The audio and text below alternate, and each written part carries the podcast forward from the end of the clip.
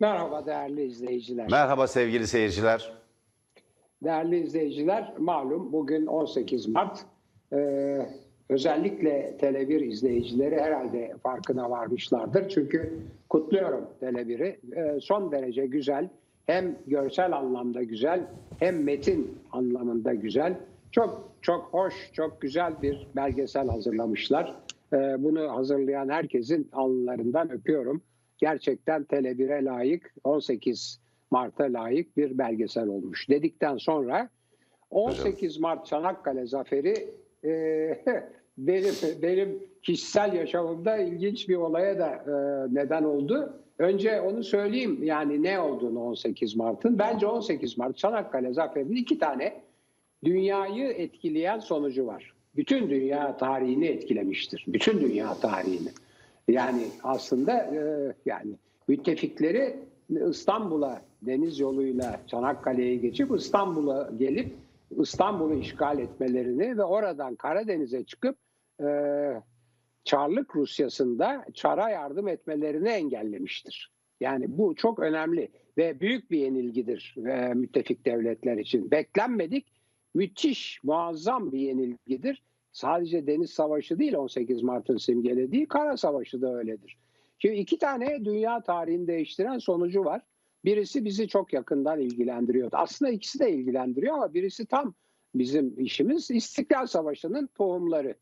Yani Mustafa Kemal'in ilk parlayışı kamuoyunda Osmanlı döneminde Mustafa Kemal isminin gerçekten bir komutan olarak duyulması o zaman başlıyor. Ve tarihin ve talihin ne garip cilvesidir ki daha önce zaten oraya bir tayin olduğu sırada e, daha önceki yıllarda ciddi olarak e, o yarımadanın e, efendim ta antik Yunan'dan beri Agamemnonlardan, Aşillerden, Hektorlardan beri savunmasını etüt etmiş filan. Müthiş, müthiş. Müthiş zeka, deha beraber Mustafa Kemal'de. İstiklal Savaşı'nın ilk tohumları atılıyor. Birinci sonuç o ve Birinci Dünya Savaşı sonrası yenilgi, yenilen imparatorluklar arasında yeniden doğan, yepyeni bir millet olarak doğan Türkiye tarihi değiştiriyor. Bu bir. İki, gene 20. yüzyılın tarihini değiştiren en önemli olaylardan biri Sovyetler Birliği'nin kuruluşu. Çanakkale'den İstanbul'a gelip Karadeniz'e çıkarak Çar'a yardım edemeyen İngiliz ve Fransızlar çünkü o sırada Rusya onlarla birlikte savaşta Almanya ile bir anlamda Sovyet devriminin önce Menşeviklerin sonra Bolşeviklerin Çarlığı devirmesinde bir anlamda Çar'a yardım edemedikleri için Çanakkale Savaşı'nın orada da rolünü görüyoruz. Bu iki şeyi de belirttikten sonra bugünkü gündem benim açımdan çok önemli birkaç madde şey diyor içeriyor. Onları bir sıralayayım çünkü belki vaktimiz kalmayacak. Muhakkak onları çünkü belirtmek istiyorum hangi şeyler diye. Bir, bu Gergerlioğlu meselesi ki onun üstünde bir iki cümleyle duracağım şimdi. İki, HDP'nin kapatılması meselesi. Asıl o konuda Şentop'un söylediğini yani meclis başkanının söylediğini kendisine hatırlatmak lazım. Çok önemli bir mesele. 12 ada Lozan'a aykırı bir biçimde silahlandırılıyor. Felaket bir şey. Felaket bir şey. Yani tam 18 18 Mart yani 12 ada şey ediliyor, silahlandırılıyor Yunan tarafından. Aşının ikinci e, ikinci e, aşı yapılamıyor. Yani birinci aşı yapılmış, aşı, aşı, aşı ikinci aşı yapılamıyor. Yani de, hem de 65 yaş üstü yani şey almış, e, randevu almış gidiyor. Allah aşı yok diyorlar. İkinci tur aşı yapılamıyor.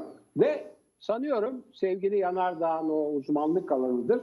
Bu e, MHP e, genel kurulunda eski e, cinayetle suçlanmış, katle suçlanmış kişilerin çok önemli üç kişi var. E, yönetim kadrolarına seçilmesi onun üstünde zaten hiç durmayacak. Çünkü o tam e, sevgili Yanardağ'ın uzmanlık alanı. Şimdi bu, önce bu Mustafa Şentop'un e, söylediğini kendisine bir hatırlatayım. Bir yanlışlık olmasın, eksiklik olmasın o. Çok önemli çünkü o. Fevkalade önemli bir husus. E, bu şeyi soruyorlar. e, diyorlar ki ya bu şeye ne diyorsunuz e, efendim e, parti kapatılmasına ne diyorsunuz diyorlar. Diyor ki bir defa diyor bu e, daha önce de oldu. Yani bu diyor daha önce de oldu. E, bir, başka ülkelerde de var. İki, tabii diyor partilerin kapatılmaya sebep olacak tutum ve davranışlardan da diyor e, çekinmeleri lazım. Yani bunu gayet olağanlaştırıyor. Şimdi peki Sayın Şentop yarın öbür gün AKP'ye bir kapatma davası açıldığı zaman size bu sözlerinizle bu sözlerinizle siz parti kapatılmaz asla filan dediğinizde bir zamanlar dediğiniz gibi ama şimdi parti kapatmaya kalktığınızda yaptığınız gibi sizin partiniz içinde bir dava açılsa ki açıldı. Üstelik de laiklik karşıtı faaliyetlerin odak noktası diye oy birliğiyle karar verildi ve bir oyla kapatılmaktan kurtuldu partiniz. Bir dava daha açılsa ve dense ki Sayın Şentop bu Türkiye'de olan bir şey bir başka ülkelerde de var iki partiniz bunlardan imtina etseydi kaçınsaydı dense ne cevap verirdiniz acaba Sayın Şentop deseler ne yapacaksınız? Birincisi bu. İkincisi Gergerlioğlu olayı hemen bir cümleyle geçiyorum. Ee, yarın da yazdım onu zaten. Gergerlioğlu'nu savunmak diye bir şey yok. Adaleti, hukuk devletini, demokrasiyi ve insan haklarını savunmak diye bir şey var. Çünkü Gergerlioğlu'na yapılan şey yasalara ve anayasaya ve insan haklarına aykırı olarak hem adliyede yani hem yargıda hem yasamada yani mecliste anayasaya ve yasalara ve insan haklarına aykırı kararların alınması. Yani şahsi ben Gergerlioğlu'yla bir hiçbir ahbaplığım falan yok. Şahsı savunmak diye bir şey yok. Hukuk devletini, demokrasi ve insan haklarını savunmak var. Bunu da böylece hatırlattıktan sonra ve yani vakit kalmıyor gündemi söylemeye. Onun için baştaki maddeleri saydım ki bugün çok önemli olaylar unutmasın değerli izleyiciler diye. Evet, benim başta maruzatım bu kadar Sayın e, Yanardağ. Peki hocam çok teşekkür ederim. Ben de Çanakkale zaferini, zaferin 106. yıl dönümünü kutluyorum. Hocam çok e, isabetle belirttiniz. E, büyük emek vererek biz e, iyi bir Çanakkale belgeseli hazırladık. Çok. Resmi tarih anlayışının genel geçer değerlendirmelerin ötesinde gerçekte ne olup ne bittiğini e, anlattık. Beni bu sabah e, izlemiş e, belgeseli bir izleyicimiz aradı ve e, kendisini tanıttı. Bir e, başkasından telefonumu almış ve ulaşmış. Enver Paşa'nın torunu. Ha, evet. Dolayısıyla Naciye Sultan'ın torunu. Yani padişah soyundan da geliyor bir yandan da. Sultan Reşat'ın torunu demektir aynı zamanda. Naciye Sultan'la evlidir. Padişah kızıyla evlidir çünkü e, saraya damat e, olmuş bir kişidir e, Enver Paşa. Ya gözyaşlar içinde izledim. İlk kez bir Çanakkale e, belgeselini bu kadar objektif olduğunu e, izliyorum dedi. Tarihçi kendisi, tarihle ilgili iş adamı, yurt dışında yaşıyor, gidiyor, geliyor. Böyle bir isim. İsmi açıklamayacağım kendisinden çünkü e, izin almadım. Yani ismi açıklamak konusunda e, izin almadığım için açıklamayacağım. Ama bu belgeseli izlemenizi ve kaçırmamanızı öneririm. Ee, iyi bir belgesel olduğunu düşünüyorum ben. Tarihi gerçeklerin yerli yerine oturtulduğu objektif bir e, tarih e, çalışması ve Çanakkale'nin tarihsel anlamı, Türkiye'nin yakın tarihindeki yerini ortaya koymaya çalıştık. E, bugün e, bizden hemen sonra Gökhan Kazbek'in hazırlayıp sunduğu e, Türkiye'nin gündemi programı var. O programdan sonra program bitişinin hemen ardından belgeselimiz bir kez daha ekranlara gelecek. Kaçıranlar varsa tekrar izleyebilirler diye e, önerelim buradan. E, hocam birkaç şey söyleyeceğim ben de gündeme geçeceğim. Bir Çanakkale Zaferi'nin anlamı üzerinde durmak gerekiyor. Çanakkale Zaferi çökmüş, köhnemiş Avrupalıların, Batı, e, Batılıların hasta adam dediği bir imparatorluğun nasıl devrimci bir kadro tarafından ayağa kaldırıldığını, ordusunu nasıl modernize edildiğini ve dünyanın büyük güçlü, kudretli devletlerine karşı ilk savaşlarında, ilk hamlede nasıl savaştığını ve nasıl zafer kazandığını ortaya koyması bakımından önemlidir. Limon von Sanders anılarında Türkiye'de 5 yıl e, ismiyle yayınlandı anılarında ve Çanakkale e, cephesinin komutanıdır, asıl komutanıdır, büyük komutanıdır. Tabii. Yani Limon Van Sanders anılarında diyor ki bütün Batı şaşırdı diyor Çanakkale zaferinin ardından. Hasta adam diye. Yani gelecekler hatta e, ilk İngiliz gemisi tören atışları yaparak şeyden geç, geçmeye kalkıyor Çanakkale Boğazı'ndan. Yani karşısında savaşabilecek bir ordunun olduğuna inanmayan bir donanmayla geliyorlar. Ve e, dünya savaş tarihinin en ağır, en kanlı muharebelerinden biri yaşanıyor. Ve bu savaşı kaybediyorlar. Büyük bir yenilgidir onlar açısından. Ve şunu hiç unutmamak lazım ki 1917'ye kadar yani savaşın bitimine bir yıl kalana kadar Osmanlı, Osmanlı ordusu bütün cephelerde direniyor. Peki bu direnişi sağlayan kim? Değerli seyirciler bu direnişi sağlayan Abdülhamit'i deviren Jön Türklerdir. Jön Türklerin İttihat, onların partisi olan İttihat ve Terakki fırkasının imparatorluğu yenilemesidir. Hürriyet devriminin anlamı budur. Cumhuriyeti hazırlayan hürriyet devrimidir zaten. Oradaki kurmay heyete bakıyorsunuz heyetine. Bir Resneli Niyazi dışında, o da şehit oluyor. Ee, Manastır'da, köyünde şehit oluyor. Çünkü ya biz hürriyeti ilan ettik diye e, askerlikten ayrılıyor ve memleketine giden hakikaten böyle çok pürüten, saf, inançlı bir e, Jön Türk, bir devrimci ki yarbay rütbesiyle bırakıyor. Ki harekat ordusunun kurmay heyetinde vardır. 31 Mart vakası yani Gerici Abdülhamit darbesini e, bastıran harekat ordusunun kurmay heyetinde vardır.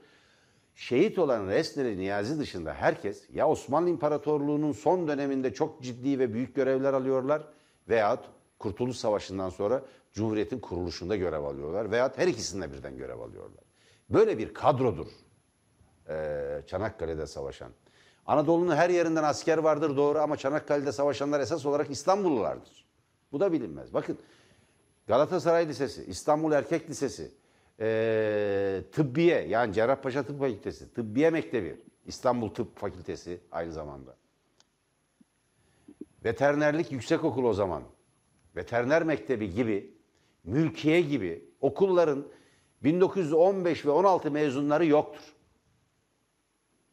Yok mezunları. 1915 ve 16'da mezun olan kimse yoktur. Girin Galatasaray Lisesi'nin kapısından göreceksiniz. Son sınıf öğrencileri Çanakkale Savaşı'nda savaşmak için gönüllü yazılmış ve hiçbiri geri gelmemiştir.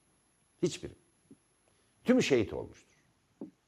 Bunlar Jön kadrolarıdır. Bunlar genç devrimci kadrolardır. Bunlar hürriyet devrimine inanan genç aydınlardır bunlar. Kimdir bunlar? 31 Mart dok- e, 1909'da Abdülhamit darbesiyle kapatılan okulların öğrencileridir. Buralardan gavur yetişiyor diye. e, İstanbul'da yeniden şeriat ilan edilip kapatılan okullardır. Türkiye'nin ilk darbecisi Abdülhamit'tir. Onlar savaşırlar orada. Dolayısıyla böyle bir hasta adamın ayağa kalkışıdır. Çanakkale vatan fikrini oluşturan en büyük savaşlardan biridir. Namık Kemal'in Vatan yahut Silistre'yi yazdığı e, ünlü tiyatro oyunundan 15-20 yıl sonra yaşanan bir savaştır. Silistre bugün Bulgaristan'da, Bulgaristan-Romanya arasında bir yerdedir, bölgededir. Vatan kaybedile kaybedile vatandaşan topraklar bugünkü sınırlara kadar Türk Osmanlı çekilmiştir batıdan. Batıdaki sınırlar hemen hemen aynıdır.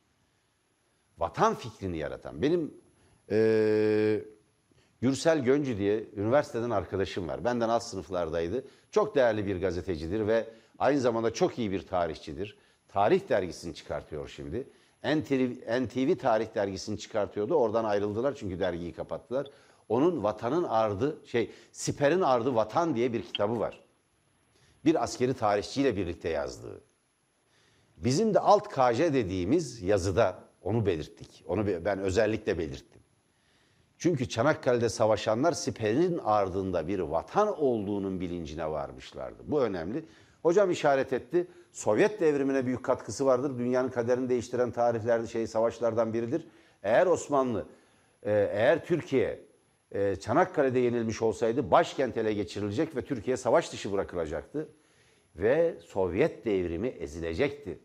Çünkü Çarlık Rusyası Osmanlı'yı paylaşmak üzere Osmanlı e, topraklarını İngiltere, Fransa ve İtalya ile gizli bir anlaşma yapmış. Nereden biliyoruz bu gizli anlaşmayı? Sovyet devriminden sonra e, sosyalist iktidar bunu açıkladı. Kim açıkladı?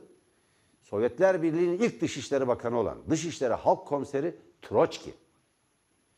Bu tarihin en utanç verici belgesidir diye. Çünkü e, sosyalist literatürde, Marksist literatürde dünya savaşları paylaşım savaşı olarak nitelendirilir. Tabii tabii. Adı paylaşım savaşıdır.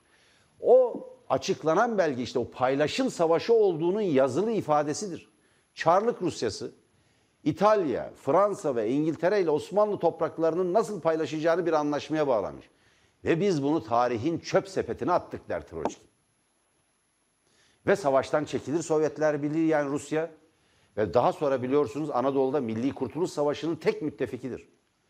Kuvayi milliyecilere yani işgalcilerle savaşan, ulusal kurtuluş mücadelesi veren, Anadolu halkına silah veren, yiyecek veren, onları donatan, giydiren, cephane veren Sovyetler Birliği'dir.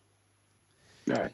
Ve e, bunu söyleyebilirim. Bu şekilde de süremi doldurmuş oldum hocam. MHP kongresine geleceğim. Buyurun size aktarmış Evet. olayım ben tekrar.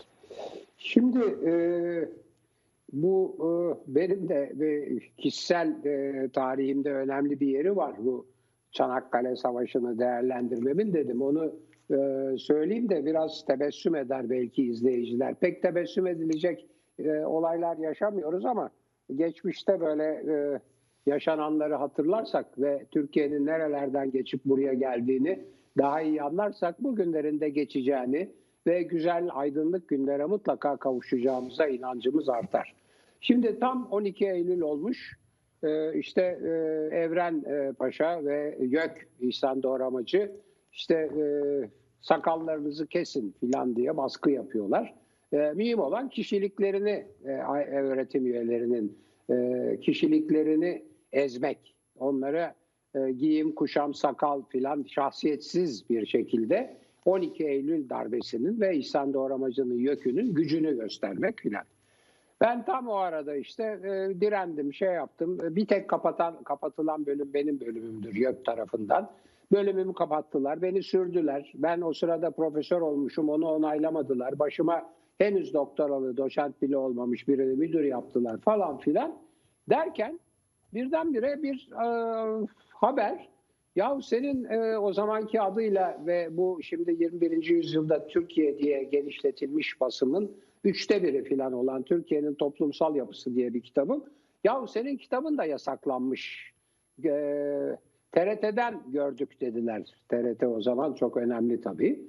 E, şimdi çok son derece canım sıkıldı. Çünkü önce kitabı toplatıyorlar. Sonra yazarı içeri alıyorlar ve 12 Eylül gerçi bugünkünden daha e, daha adildi e, e, yargılamalar filan ama yani Daha içeri hukuka uyuyorlardı evet. Evet, yani biraz daha hukuki bir biçimde ama- Evet, hukuki bir İnsanları biçimde eziyorlardı. okuyorlardı. Evet. evet, Ee, işkence ediyorlardı. bugünkünden daha uygundu ama hukuka. Formel biraz hukuka daha uygundu. Mahkemeleri Evet, daha hakkınızı- uygun. Hakkınızı arıyordunuz ama yani hem canım sıkıldı hem korktum. Bayağı yani ve hemen e, tahkik etmeye başladım. Ne olmuş? Kim yasaklamış? Hangi mahkeme kararı? Hangi sıkı yönetim komutanının kararı diye. Ve çok e, kusura bakmayın kullandığım sözcüğe çok matrak bir sonuca ulaştım. Efendim adını vermeyeyim o sıralarda birinci Ordu komutanı olan ve birinci Ordu komutanı aynı zamanda İstanbul Sıkı Yönetim Komutanı oluyor.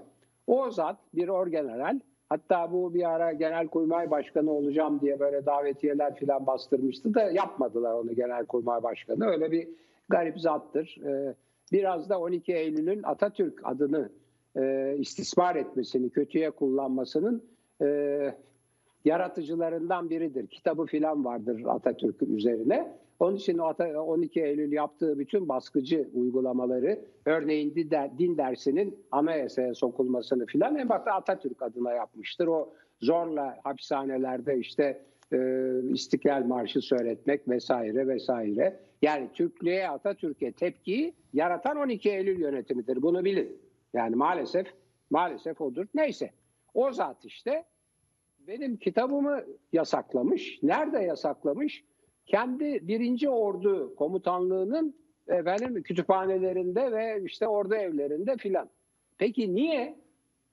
bugün bu şeyde benim söylediğim bu programda ve sevgili Yanardağ'ın da gayet büyük bir vukufla tekrarladığı ve dünya siyaseti açısından Sovyetlerin açıkladığı e, belgeye de dayanarak belirttiği Çanakkale'de Mustafa Kemal'in zaferi Sovyetler Birliği'nin kurulmasına da yardımcı oldu. Müttefiklerin Çanakkale'yi geçerek Karadeniz'e çıkmasına ve Çarlığa yardım etmesine dedim diye yazdım diye ki yazılı hala yazılı. 21. yüzyılda Türkiye'yi açın bakın hala bu var. Komünist demiş bana. Ve kitabı yasaklamış. Yani buralardan geldik Türkiye'ye ve yani gene e, insan yani böyle şeylere çok üzülüyor ama hadi uzatmayayım bu işi. Gelelim Gergerlioğlu'na. Şimdi Gergerlioğlu'na iki bakımdan haksızlık yapılıyor. Bir defa hukuken haksızlık yapılıyor. Çünkü inanmayacaksınız belki.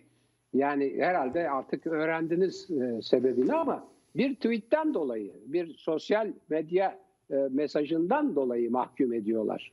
Peki o sosyal medya mesajı nedir?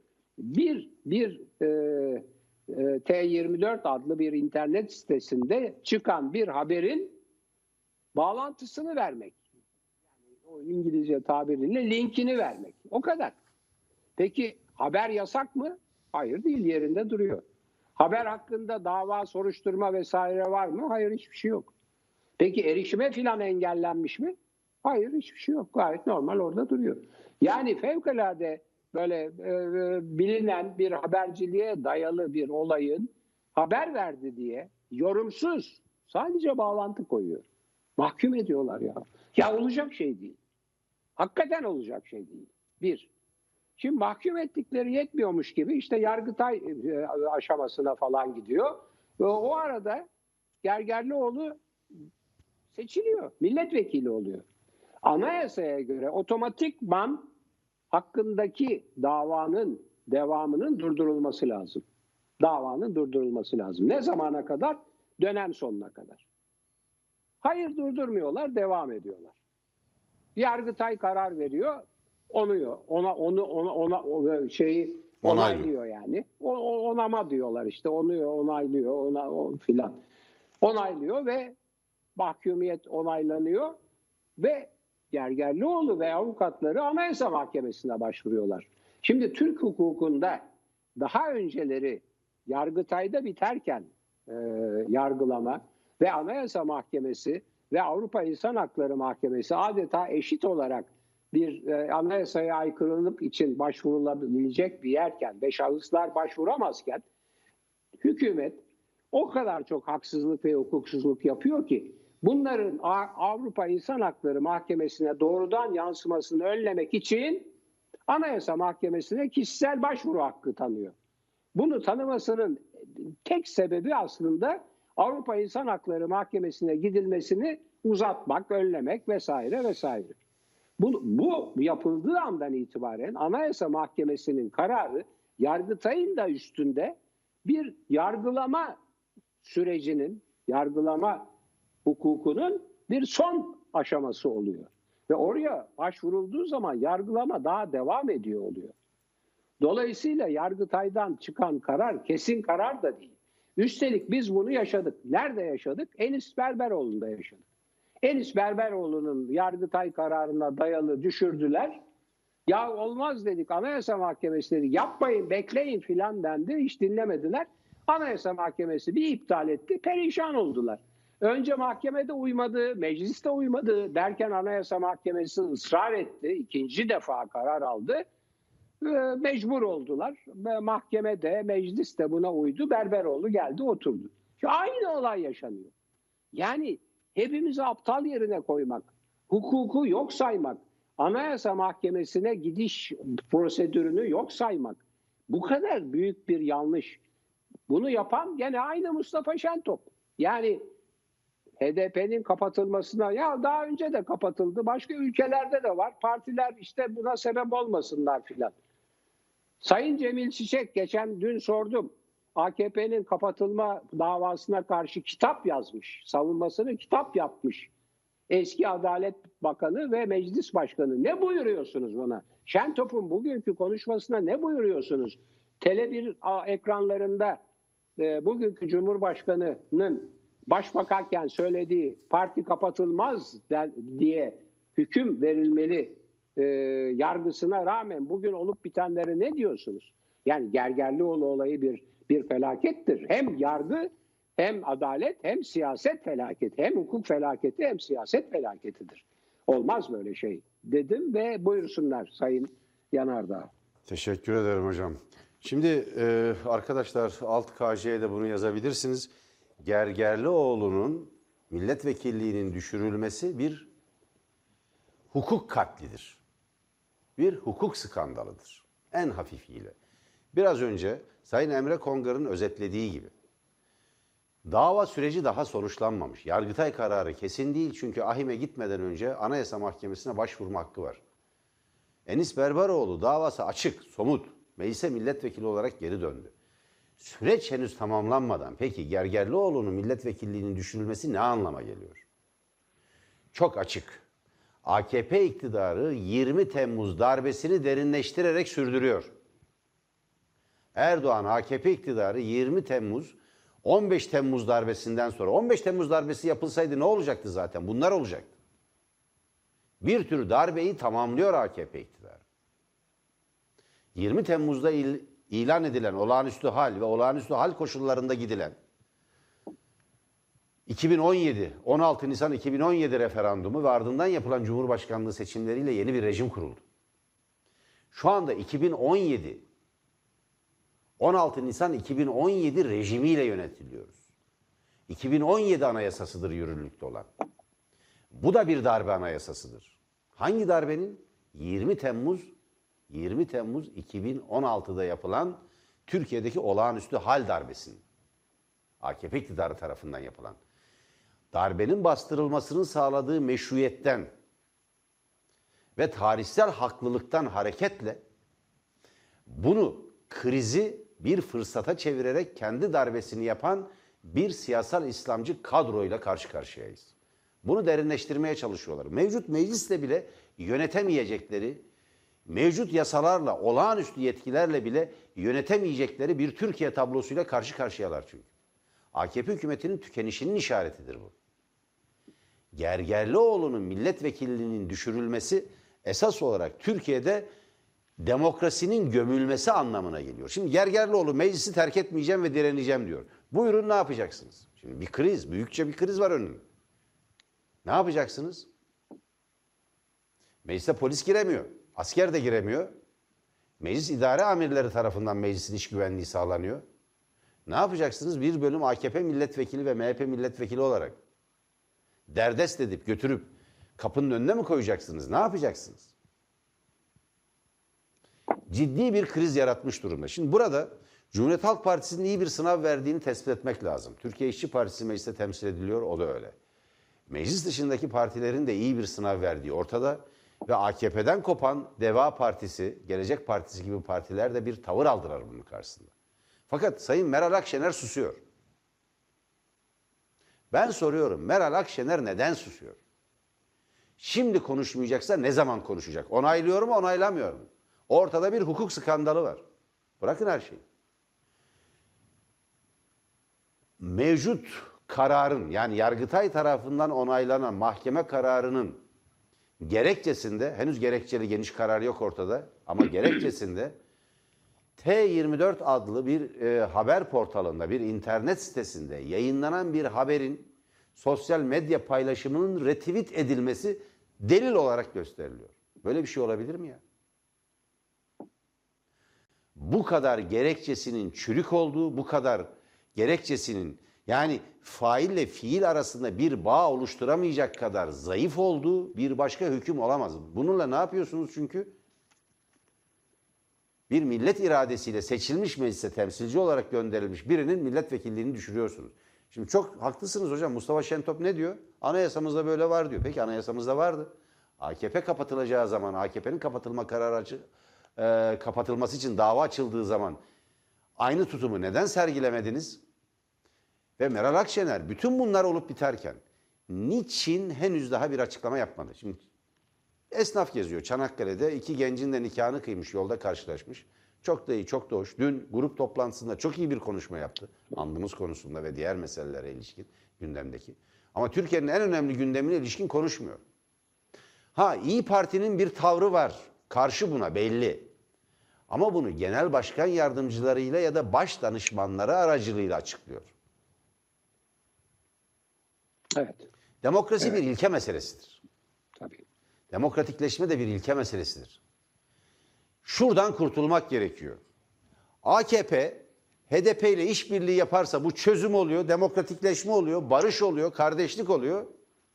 Diğer partiler ya yanlış yapıyorsunuz, milletvekilliklerini düşürüyorsunuz. Bu demokrasiye aykırı di- de- dedikleri zaman herhangi bir ilişkiler de yok. Bu vatan hainliği oluyor, teröristlik oluyor. Kandil'le işbirliği oluyor öyle mi? Çok güzel. Yani öyle Çok mi güzel. alay komutanı? Çok güzel. Öyle mi alay komutanı? Yani siz yapınca, siz yapınca çözüm oluyor, kardeşlik oluyor, barış oluyor. İyi Parti Genel Başkanı bu yüzden korkuyor işte. Kendisinin HDP'yi savunduğu, HDP'yi desteklediğine dair bir MHP propagandasından, bir AKP propagandasından çekindiği için susluyor Meral Akşener. Biz bunu biliyoruz Meral Hanım'ın kaygılarını. Fakat bu korkunun, bu kaygının üzerine gitmek gerekiyor. Doğru. Türkiye bu çizgiyi çoktan aştı. Biz ya demokrasiyi savunacağız ya teslim olacağız bu kadar açık. Yani Tabii. ya da totaliter bir rejime doğru sürüklenişe karşı pasifist bir tutum takınacağız.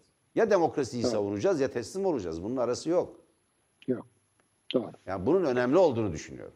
Çok. Şimdi e, ben çok kısaca o zaman e, bu Gergerli olayı yarın da yazdım onu zaten. Yani Gergerlioğlu'nu savunmak ne demek, neyi savunmak filan diye. Şimdi değerli izleyiciler, sevgili Meral Akşener. Kişilerden bağımsız hocam çok doğru söylediniz. şimdi- Bakın hayır siz, siz tabii tabii kişilerden bağımsız, partilerden bağımsız bir ilke meselesi bu. Onu vurgulayacağım Tabii. ve mümkün olduğu kadar kısa tutacağım. Çünkü sizin bu MHP yönetimine girenler hakkında Evet, söyleyeceklerinizin çok önemli olduğunu düşünüyorum. Hemen toparlayacağım. Şimdi Gergerlioğlu'nu savunmak ne demek? Bir, Gergerlioğlu'nun partisini savunmak demek değil. İki, Gergerlioğlu'nu savunmak demek hiç değil. Ben yarınki yazımı yazarken bugün oturdum saatlerce araştırdım. Ne demiş hiç atlamayayım diye. Noktasına virgülüne kadar hangi görevdeyken ne demiş, hangi görevdeyken ne yapmış bilmem. Şimdi belli ki kendisi siyasal İslam'dan gelen ve genellikle özgürlükler denince İslami özgürlükleri ve Kürtlerin özgürlüklerini savunmayı bir e, haklı olarak Önceleyen, tabii gözeten. önceleyen, önceleyen bir öncelik bunlara tanıyan bir bir e, şeyden geliyor, bir bir e, geçmişten geliyor. E, kesinlikle bu böyle. Tavrına bakıyorsunuz. Üstelik mesela Danıştay cinayetini, katlini Ergenekon'a bağlayan ifadeleri filan var. Ergenekon'a destek vermiş filan. Tamam. Hiç ama beni bunlar... Hocam beni seyircilerimizden biri e, çok e, çok özür dilerim araya gireceğim. Bana bir tweet atmış mesajda diyor ki ya bu kadar sahip çıkmayın. Sizin yargılandığınız Ergenekon davasına destek verdi. Evet, biliyorum ben evet. biliyorum Tabii, biz sahip tabii. çıkacağız. Ben yarın, merak yarın etmeyin. onu da Evet. onu da belirttim. Maalesef destek verdi. Maalesef Evet. o rüzgara kapıldı. Evet. Ama Evet. biz biz savunmaya devam edeceğiz. Tabii. İlkeli bir Şimdi biçimde. dolu- evet. Dolayısıyla yani e, e, Gergerlioğlu HDP milletvekili olduğu için değil. Siyasal İslam'dan geldiği, genellikle Kürtlerin ve İslamcıların haklarını savunduğu için buna karşılık işte Atatürkçülerin, laiklerin filan onlara yapılan haksızlıklara destek verdiği için değil. Sadece ve yalnızca kendisine yapılan şey adaletsiz, hukuksuz, haksız hem siyaseten hem hukuken yanlış olduğu için savunuyoruz. Ben ben hukuk devletinden yana olduğum için Gergerlioğlu'na yapılana karşı çıkıyorum. Ben insan haklarını ve özgürlüklerini savunduğum için Türkiye demokrasi Türkiye'de demokrasiyi savunduğum için Gergerlioğlu'na yapılana karşı çıkıyorum. Yoksa Gergerlioğlu'yla benim ne dostluğum var, ne dayanışmam var, ne de eskisini ve, ve yani böyle bir şeyim var. Ama bir defa karşılaştım. Onda da son zamanlardaki işte insan hakları çabasını tebrik ettim filan o kadar. Demek ki Gergerlioğlu'nu savunmak, Gergerlioğlu'nu savunmak değil. Ona yapılan haksızlıklara ve hukuksuzluklara karşı çıkmak. Sayın Akşener, bütün diğer parti liderleri bunu böylece koyun. Korkmayın.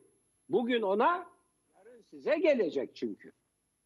Teşekkür ederim Evet. sevgili Yanardağ. Buyurun. Çok Evet. çok haklısınız hocam. Şimdi MHP kurultayı düzenlendi. MHP'de kurultay diyor. Türkçe bir kavram. iyidir e, kurultay. Şimdi MHP e, liderinin konuşmasını ben e, hem dikkatle dinledim hem de daha sonra metne baktım bir yanlışlık var mı diye. Herkese saldırdı. Herkese. Cumhuriyet Halk Partisi'ne ağza alınmayacak sözcüklerle. HDP'ye zaten çok açık bir şey. Bir daha geri dönüş olmayacak şekilde kapatılması gerektiğini bir daha söyledi ve hakaretler yağdırdı. Ve İyi Parti'ye hakaretler yağdırdı. İyi Parti'ye ve diğerlerine ister istemez. Yani siyasetteki dilin bu kadar sertleşmesi ve e, siyasi nezaketin bir kenara bırakılıp hakaretin, ağır hakaretin, kişisel hakaretin bu kadar öne çıkması, bu kadar kutuplaştırıcı bir dilin kullanılması sadece Sayın Erdoğan'a özgü değil. Öyle anlaşılıyor ki Devlet Bahçeli'nin de benzer bir dili e, benimsediği ve bunu giderek yaygınlaştırdığı ve sık, çok sık şekilde kullandığı ortaya çıkıyor.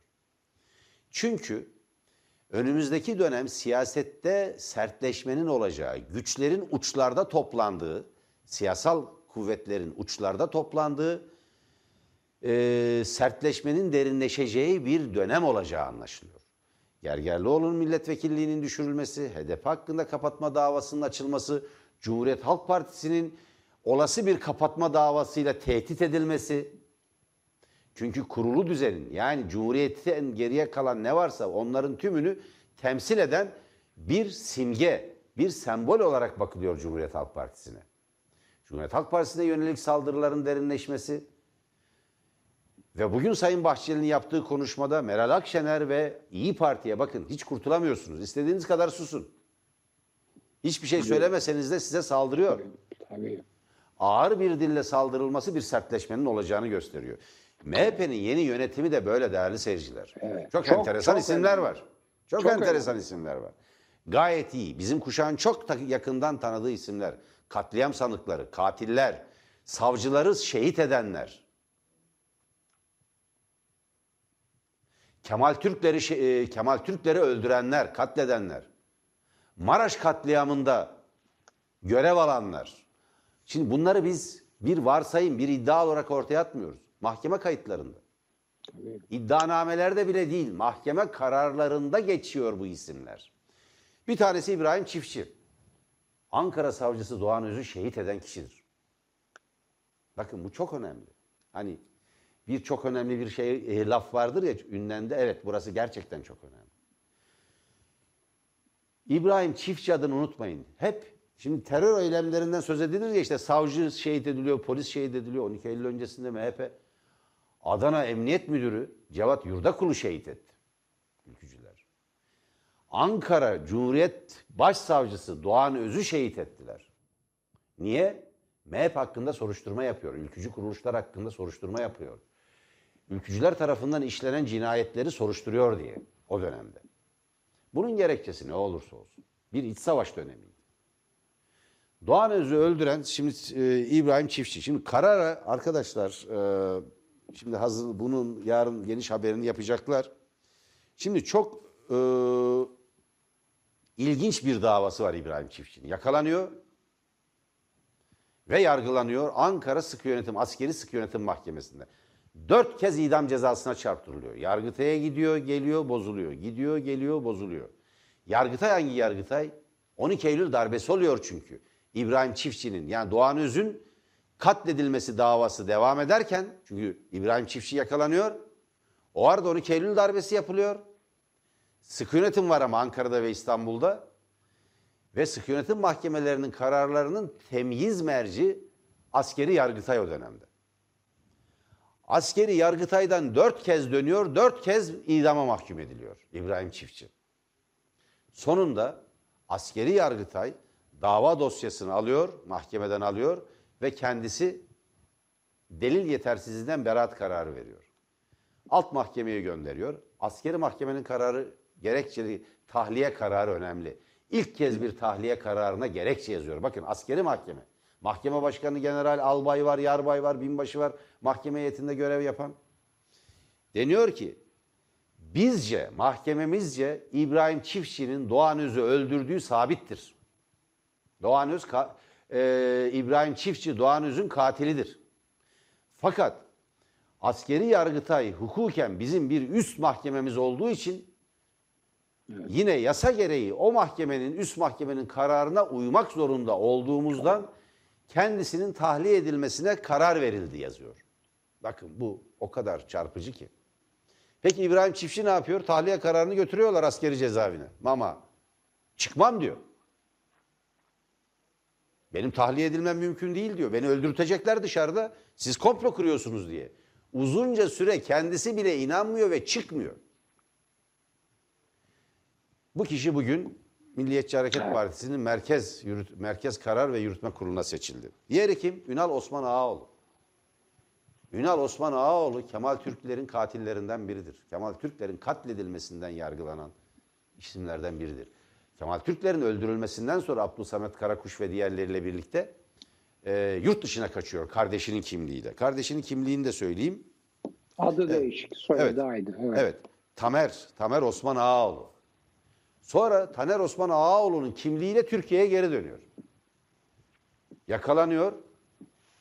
Ama tutuksuz yargılanmak üzere serbest bırakılıyor. Mahkeme devam ediyor çünkü Kemal Türklerin Kemal Türkler Disk'in kurucu genel başkanı. Yani Devrimci İşçi Sendikaları Konfederasyonu'nun kurucu genel başkanı ve Maden İş Sendikası'nın o dönemin dev sendikaları bunlar.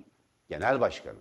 Ve Ben- 12 Eylül'den önce Evet. 12 Eylül'den önceki en çarpıcı cinayet. Yani Temmuz'da öldürülüyor, Eylül'de 12 Eylül oluyor. Evet. Ben ben ben kendisiyle aynı koğuşta kaldım. Çok yakından tanıyorum. Anılarım var kendisiyle. Çok önemli bir işçi lideridir kendisi. Çok yakından tanıdığım bir işçi lideridir. Çok önemli bir isimdi Türkiye'de. Ve Kemal Türkler öldürüldüğü zaman Türkiye ayağa kalktı. Bütün fabrikalar greve gitti. Bütün okullar, üniversiteler ve liseler boykot ilan etti. Bu cinayeti protesto için. Türkiye ayağa kalktı. İstanbul'da devlet yoktu. Adeta yoktu.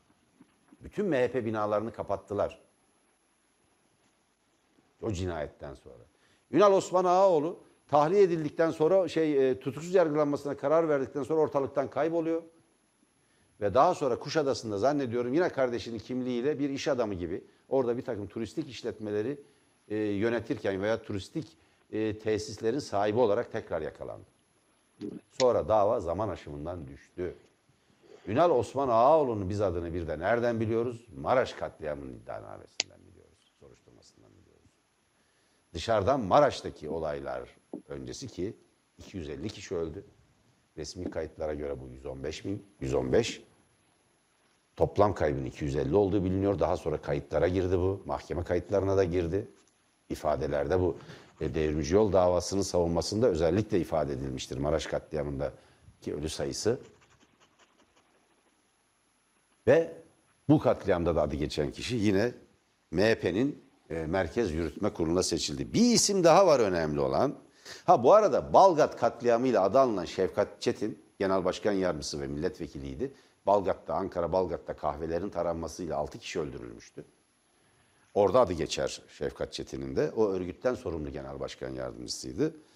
Ee, çok önemli bir isim daha var. Tarkan Toper. 17 Mayıs 2006'da Danıştay'da yüksek yargıç Mustafa Yücel Özbilgen'i şehit eden İslamcı terörist Alpaslan Aslan'ın arkadaşı. Cinayet günü kendi bürosuna gidiyor. Onun bürosunda kalıyor. Cinayetten bir gün önce ifadeleri var.